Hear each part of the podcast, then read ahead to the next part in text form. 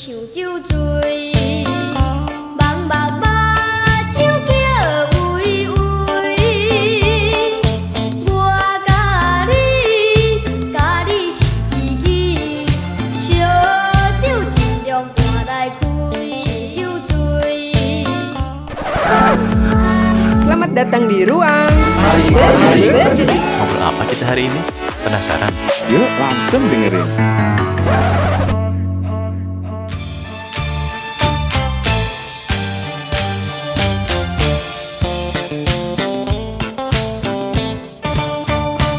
Kak Intan, kalau Iya. kue keranjang kan agak-agak umum ya. Kalau yang dari Adrian biasanya makanan yang unik-unik apa tuh selain kue keranjang? Kayaknya kue keranjang aja kok, tapi karena manis jadi aku emang kurang suka. Maaf Hmm. Pengakuan loh.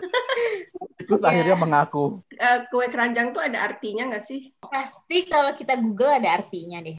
ada sih kalau kalau aku pernah baca ya ini eh, correct me if I'm wrong ya kalau aku pernah apa tuh? baca Apa tuh? itu kan kue keranjang itu kan lengket ya kan Ah, Eh, kayak apa sticky gitu loh jadi Mm-mm. itu itu nggak tahu ya ini kak juris yang lebih tahu sejarah nanti kalau salah dibetulkan nanti Jujurnya aku juga apa? nggak tahu. jadi itu memperekat kayak silaturahmi gitu kalau makan kue keranjang karena itu kan Oh. lengket kan jadi itu Iya. mempererat keluarga gitu loh nggak tahu ya apa itu yang pernah aku baca seperti itu Oh. karena itu Wah. lengket akal. apa kan biasanya kalau Imlek kan kumpul keluarga gitu kan jadi mereka makan supaya nanti keluarganya itu tetap terjalin Aha, mungkin ya kalau aku Mungkin, nggak mungkin. salah baca seperti itu cocok sih, cocok. Ternyata ada doanya. iya Ada. ada filosofinya gitu loh ada filosofi Ka- Kalian tuh kalau Imlek gitu, Imlek kan tahun baru ya, sama kayak tahun baru Masehi gak sih? Maksudnya punya kayak resolusi atau harapan gitu nggak? hmm. Kalau aku sih aku nggak pernah bikin resolusi tuh Gak pernah bikin Iya. resolusi. Oke, dia dia anaknya jalan hidup aja. iya Kayak gitu Tapi makanya ada ada target tapi nggak pernah bikin resolusi gitu loh yang wah Oke. harus gini harus gitu Yang penting ada goalnya ya. Mm-mm. Kalau Kak Intan sih, eh, sebagai orang yang santuy dan mediocre, aku bener-bener nggak punya target maupun goal. oke. Keren. dari punya target, gak punya resolusi, ini gak punya resolusi, gak punya target ya. Nggak, yang penting aku harus selalu punya pekerjaan aja atau cara untuk menghidupi diriku dan selalu sehat. Tapi Amin. yang emang walaupun aku jadi aku kayaknya eh, hidupku selalu berdasarkan intuisi aja kan. Yes. Cuman kayak Oh. Pas selama pandemi kemarin aku lagi mulai eh, ngikutin yoga di internet gitulah seperti Ah. jutaan Hmm. orang lainnya di dunia ini yoga with Adrian dan aku lumayan menikmati itu sih karena kan Oh, ada apa 30 days of yoga gitu. Walaupun Hmm. Uh, 30 days-nya mungkin aku ba- udah udah 90 days nggak selesai-selesai ya. Kalau Kak Cici punya nggak resolusi gituan? enggak juga. Ini ada apa sih gener- generasi 80-an ini ya? Kenapa, kenapa, kenapa? Alasannya apa? Yang tadi kan yang lain udah pada bilang tuh alasannya. Kamu kenapa alasannya? Aku tuh pokoknya intinya jadi lebih baik tapi nggak spesifik. Kan udah tambah tambah umur gitu ya, jadi lebih baik gitu. Ya udah gitu aja terus jalanin yang uh, lebih baiknya tuh belajar dari misalnya tahun lalu, misalnya gampang sakit apa sih? Mungkin makanannya yang kayak gitu-gitu aja. Hmm, Kalau juris apa nih? Pengen jadi presiden kayaknya. Nggak 2024. pengen. Nggak Nggak pengen. Itu, itu bikin pusing. Kalau aku tuh selalu bikin resolusi yang eh, receh. Oke. Receh itu maksudnya gini nih, kalau bikin kayak misalkan ya resolusi 2021 ku adalah tidur lebih teratur. Tapi resolusiku itu selalu ada dibarengi sama jurusnya. Jurusnya adalah aku beli skincare karena udah beli mahal harus dipakai kan dan skincare Hmm. dipakainya malam. Jadi kayak begitu udah mindset mau pakai skincare habis itu harus tidur kan karena kalau nggak percuma. Iya. Itu yang membuat Hmm. aku akhirnya bisa tidur cepat. Sekarang aku tuh tidurnya ini udah mulai lumayan lah jam 10 jam 11. Biasanya kan jam 1 Hmm. jam 2. Oh, tapi itu spesifik loh Harus gitu kalau aku kalau spesifik enggak, betul betul. Kalau punya kalau punya resolusi atau target itu perlu spesifik gitu. Aku mau tidur lebih cepat misalkan. Akan lebih spesifik lagi kalau ada jamnya. Aku akan tidur lebih cepat jam sekian. Nah itu lebih spesifik lagi. Itu memang memang disarankan seperti itu sebetulnya kalau membuat target kan. Iya nih contoh yang paling baik ya guys, dengarkan juris ya, jangan kita bertiga. enggak sebetulnya Cici tadi juga ba- juga bagus Oh, kalau iya? jadi lebih baik gitu. Cuma baiknya kan Enggak perlu didefinisikan. Ya Iya. baiknya Defini, kepo. iya definisi baikmu itu apa gitu. Jadi perlu lebih spesifiknya begitu. Misalkan lebih baik dalam hal memilih pekerjaan, Hmm. memilih klien gitu-gitu. Lebih Hmm. baiknya itu dalam hal apa lebih spesifik gitu. Iya, aku Jadi takut karena baik itu evaluatif, baikmu kan belum Betul. tentu sama seperti baiknya Intan, baiknya Juris, baikku gitu. Iya Benar benar, betul. benar, Karena aku takut kalau misalnya tuh teragak sulit gitu ya melakukannya terus aku bisa anu excuse gitu kan ganti Malah jadi beban ya gitu ya. ganti target payah ya Ya, ya. Cuma, cuma emang memang memang itu challenge sih. Kalau kalau kita udah punya sesuatu gitu, kita perlu menetapkannya dengan spesifik itu challenge juga untuk kita tetap konsisten. gampang ya kak ya Ya, Iya. itu challenging itu. Untuk being konsisten itu challenging sekali. Kalau misalkan Intan tuh, Intan mau yoga berapa hari Tan? 30 hari. Iya. 30 hari. Terus kan pasti ada saat-saat di mana kita males, Oh, ada saat banyak. makanya itu dia. Itu pun yang terjadi sama aku dalam tiga bulan terakhir ini. Ketika aku memutuskan untuk oke aku mau olahraga lagi. Karena eh, September kemarin tuh berat badanku melebihi target yang belum pernah aku capai gitu. Itu wah berat sekali. Dan sekarang udah jalan empat bulan itu karena menjaga konsistensi gitu. Itu yang yang challenging. Ngomong-ngomong peruntungan di tahun apa tadi? Kerbau logam, kerbau logam. Aku nemu artikel guys. Ini kayaknya mungkin bisa membuat kalian sumringah atau sedih, aku nggak tahu. apa tuh Tak bacain ya guys, sedikit. Ya. Peruntungan sio Anda sepanjang tahun kerbau logam 2021. Sio-sio yang akan beruntung adalah jeng jeng sio kerbau. Dia akan mendapat kesuksesan dan keberuntungan eh, akibat sifatnya yang fleksibel dan terus bekerja. wow Dua, sio naga. Dia akan mendapatkan keuntungan dalam peluang-peluang usaha. Tiga, sio kelinci. Kelinci akan mendapatkan keuntungan secara finansial dan akan mandiri secara finansial. Sio kambing. Tuh Sio kambing Tuh. akan memiliki ide-ide segar dalam menjalankan bisnis dan usahanya. Yeay. Dan terakhir, sio macan. Macan akan mendapatkan sumber pendapatan baru yang besar dan tidak diduga-duga. Widih, bagi-bagi kak. Yeay. amin diaminkan aja pokoknya kalau doa baik diaminkan aja kita Tapi- saling menciprati ya. ya. Ya, tapi bagusnya artikel ini ya, aku tuh benci banget sama artikel yang ngomongin soal yang jelek-jelek atau yang yang rugi-rugi gitu. Jadi kan dia nggak nulis yang rugi-rugi ya, dia nulisnya kan yang bagus-bagus. Kalau yang nggak tertulis di situ, anggap aja, oh berarti hidup kita akan masih baik-baik aja, tapi nggak wow-wow banget. Gitu. Kar- Iya, iya, karena ini Kak Juris, karena mungkin bisa jadi di artikel satu yang beruntung sio ini, di artikel lain yang beruntung sio itu gitu. Itu kerap sekali Bisa terjadi. jadi. Iya, pastinya. Siapa tahu ini sugesti kan sebetulnya. Yes. Iya. Tapi nggak apa-apa, diaminkan saja. Kalau ada, ada baik itu diaminkan saja. Amin. Soalnya kalau di Susan Miller 2021 adalah tahunnya Aquarius. Cie. Ya Allah. Bener-bener bener. Kata ya, orang Juris, 2021 kabar baik Aquarius season ya. Iya. Oh, oke. Apa katanya Tan? Yang di highlight kita kan menjadi orang yang bukan yang mengikuti tren, tapi kita kayak memulai tren gitu. Ah. Ampun, Kamu tercerahkan nggak Kak Cici? sangat Dia memulai tren itu episode ini. farming-farming. Oh iya, gengs. Kak Cici mau jadi petani, gengs. Oh iya, yuk kita bertani bersama. Kenapa nggak kita ngomongin itu aja? Oke.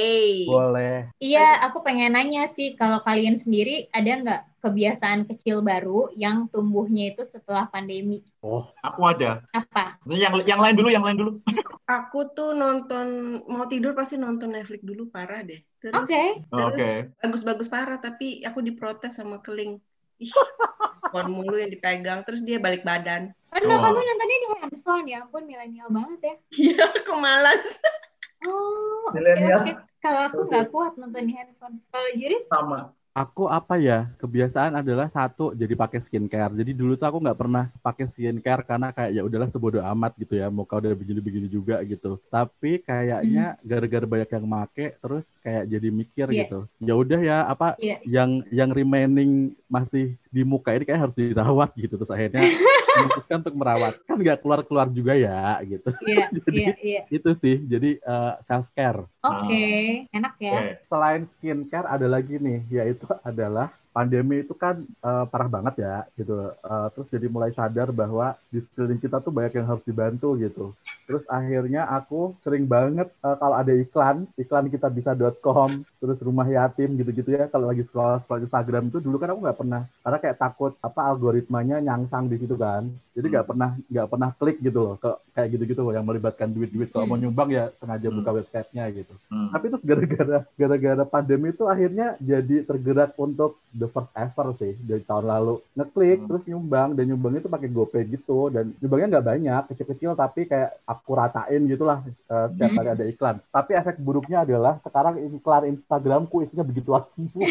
Iya. Eh, Kak Didu apa, Kak Kak Didu? Didu, Aku kan sebenarnya kan orangnya tuh sangat prosedural ya. Jadi terbiasa punya pattern gitu loh. Misalkan tidur jam segini, kemudian bangun jam segini itu udah udah terbiasa gitu kan. Tapi sekarang jadi lebih lagi gitu karena pertama kebanyakan di rumah kan. Kebanyakan di rumah jadi lebih enak ngatur ininya. Terus yang kedua, kebiasaan yang yang aku dulu nggak per, nggak pernah perhatikan terus kemudian sekarang muncul setelah pandemi adalah aku jadi lebih memperhatikan makanan Hmm. maksudnya memperhatikan tuh pertama aku makannya lebih masak sendiri, bikin sendiri gitu kan. Terus jarang sekali aku sekarang dari dulu sebenarnya sih, cuma sekarang lebih lebih intens. Aku hampir nggak pernah buang makanan. Jadi aku merasakan bagaimana beratnya survival di masa pandemi yang yang kemudian nggak bisa makan gitu ya kan. Di awal-awal pandemi itu kan aku sempat anxiety attack gitu kan. Hmm. Terus aku merasakan itu dan aku nggak mau itu ter- ter- terjadi lagi. Jadi kalau misalkan aku ada makanan sisa gitu ya, atau pesen terlalu banyak atau masaknya kebanyakan gitu, pasti aku akan memikirkan caranya bagaimana supaya itu bisa dikonsumsi sampai benar-benar habis. Iya, Wis, keren itu kak. kece, kece. Ya, Harus ditiru. Oh, jadi jadi nggak pernah aku yang ses- sedikit apa pun makanan gitu sebelum itu. Rusak habiskan. Iya betul betul betul. Ngeri Iya. juga. Itu, itu kebiasaanku yang baru itu. Hmm. Mantap. Iya iya, aku setuju banget sih. Bahkan kadang kalau kita kayak makan misalnya nih kuah apa gitu di mana gitu, terus sebenarnya itu Hmm. bisa loh buat jadi kaldu makanan kita yang Iya. berikutnya kayak gitu-gitu kan sebenarnya. Iya. Nah, orang mikirnya mungkin, eh kok kamu gitu banget sih gitu. Kan udah berapa ya? Ya gimana? Masih bisa dimakan kok gitu kan? Aku nggak gitu kok mikirnya, aku setuju denganmu. Aku gitu ya. juga. Enggak maksudnya kan ada orang-orang yang temanku ada soalnya yang kalau misalkan kita makan nih, ini temanku beneran temanku ya. Makan nih kita makan. Dia ngasih kita kue misalkan kan. Habis itu aku makan, dia makan gitu kan. Punya aku udah habis gitu. Dia itu cuma ngicipin terus nggak suka. Diambil gitu kan. Mau sih aku makan gitu. Dia nggak bolehin loh. Kenapa? Loh, gitu. Ya ya nggak apa-apa aku nggak suka aja kamu makan sisa makanan. Loh tapi ini kan saya kalau dibuang. Terus mau diapain? Ya dibuang. Loh jangan dibuang. Terus dia marah. Dia marah serius. Bahkan kan kamu kan yang mikirnya Menarik ya. Makanya itu kan aku, eh, kan sayang itu masih bisa dimakan, ya pokoknya Hmm. jangan dimakan lagi, itu bekasku gitu. Ya, kayak gitu-gitu loh kan, ya itu prinsip, itu value ya kan. Itu udah nggak bisa diutak Iya. atik kalau udah yang kayak dia ya. Iya, sudah. iya. Daripada dia buang, mau aku makan lagi gitu loh. Aku baru tahu ada yang begitu, coy. ada, ada temanku itu, temanku. Serius. Ya gitu. ampun, dia merasa nggak pantas kamu makan Iya, sisanya. dia merasa nggak pantas, nggak enak sama kamunya Ya, gitu ya. ya, ya, meskipun aku nggak apa-apa, ini aku nggak apa-apa makan. Ya, yang yang udah kamu gigit di- dibuang nggak apa-apa, tapi yang masih banyak, yang masih bersih belum disentuh kan masih bisa dimakan, gitu Hmm. kan. Yang ngapain dibuang gitu loh. Betul banget. aku.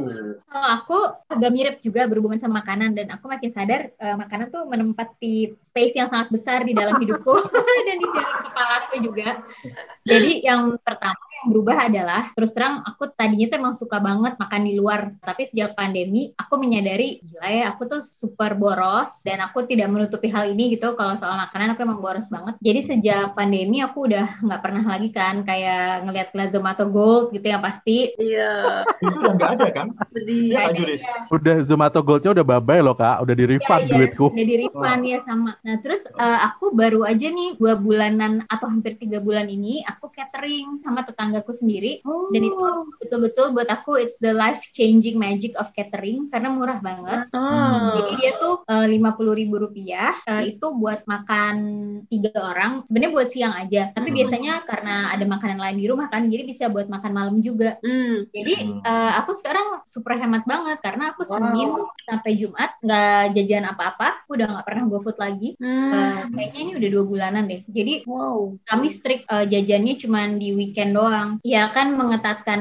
pengeluaran ya di saat pandemi gini kita nggak pernah tahu juga. gitu. Hmm. Padahal ya, padahal sama pemerintah kita diminta untuk berbelanja loh. Iya sih, tapi ya dia itu perekonomian tumbuh, ya kan? Terus aku Iya, mikirnya iya. lah, terus belanja kalau buat makan nggak ada ya gimana gitu. Maksudnya kayak Ridwan Kamil kemarin kan bilang nggak usah nabung dulu, buat belanja dulu gitu kan, biar perekonomian gimana mau nabung, mau belanja aja susah, mau nabung gimana? Iya, terus kan eh, maksudnya kita kan hidup nggak buat kita doang. Kayak tadi Kak Juris cerita bisa buat Hmm. buat mana-mana. Iya, iya. Ya namanya juga tinggal di negara berflower ya pasti adalah uh, saudara atau teman kita yang lebih butuh gitu kan. Jadi kayaknya tuh kok nggak tega ya kalau gue jajan mulu apalagi yang kayak mahal-mahal gitu. Hmm. Betul, Uh, betul, betul. beneran berubah sih aku dalam hal itu. Dalam hal lain aku memang cukup minimalis. Tapi kalau kayak makanan kayak tadi Kak Dido bilang tuh bener-bener baru setelah pandemi ini sih Wow. beneran berubah.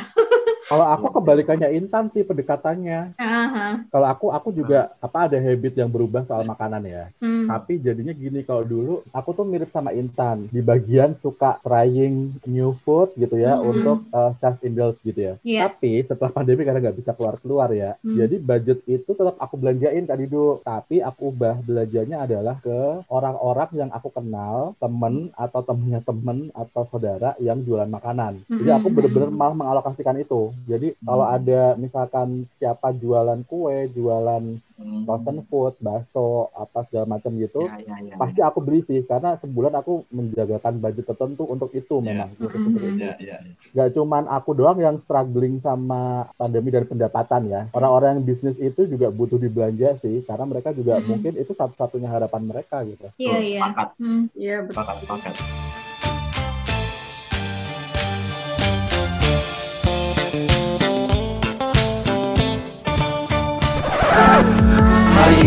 Jadi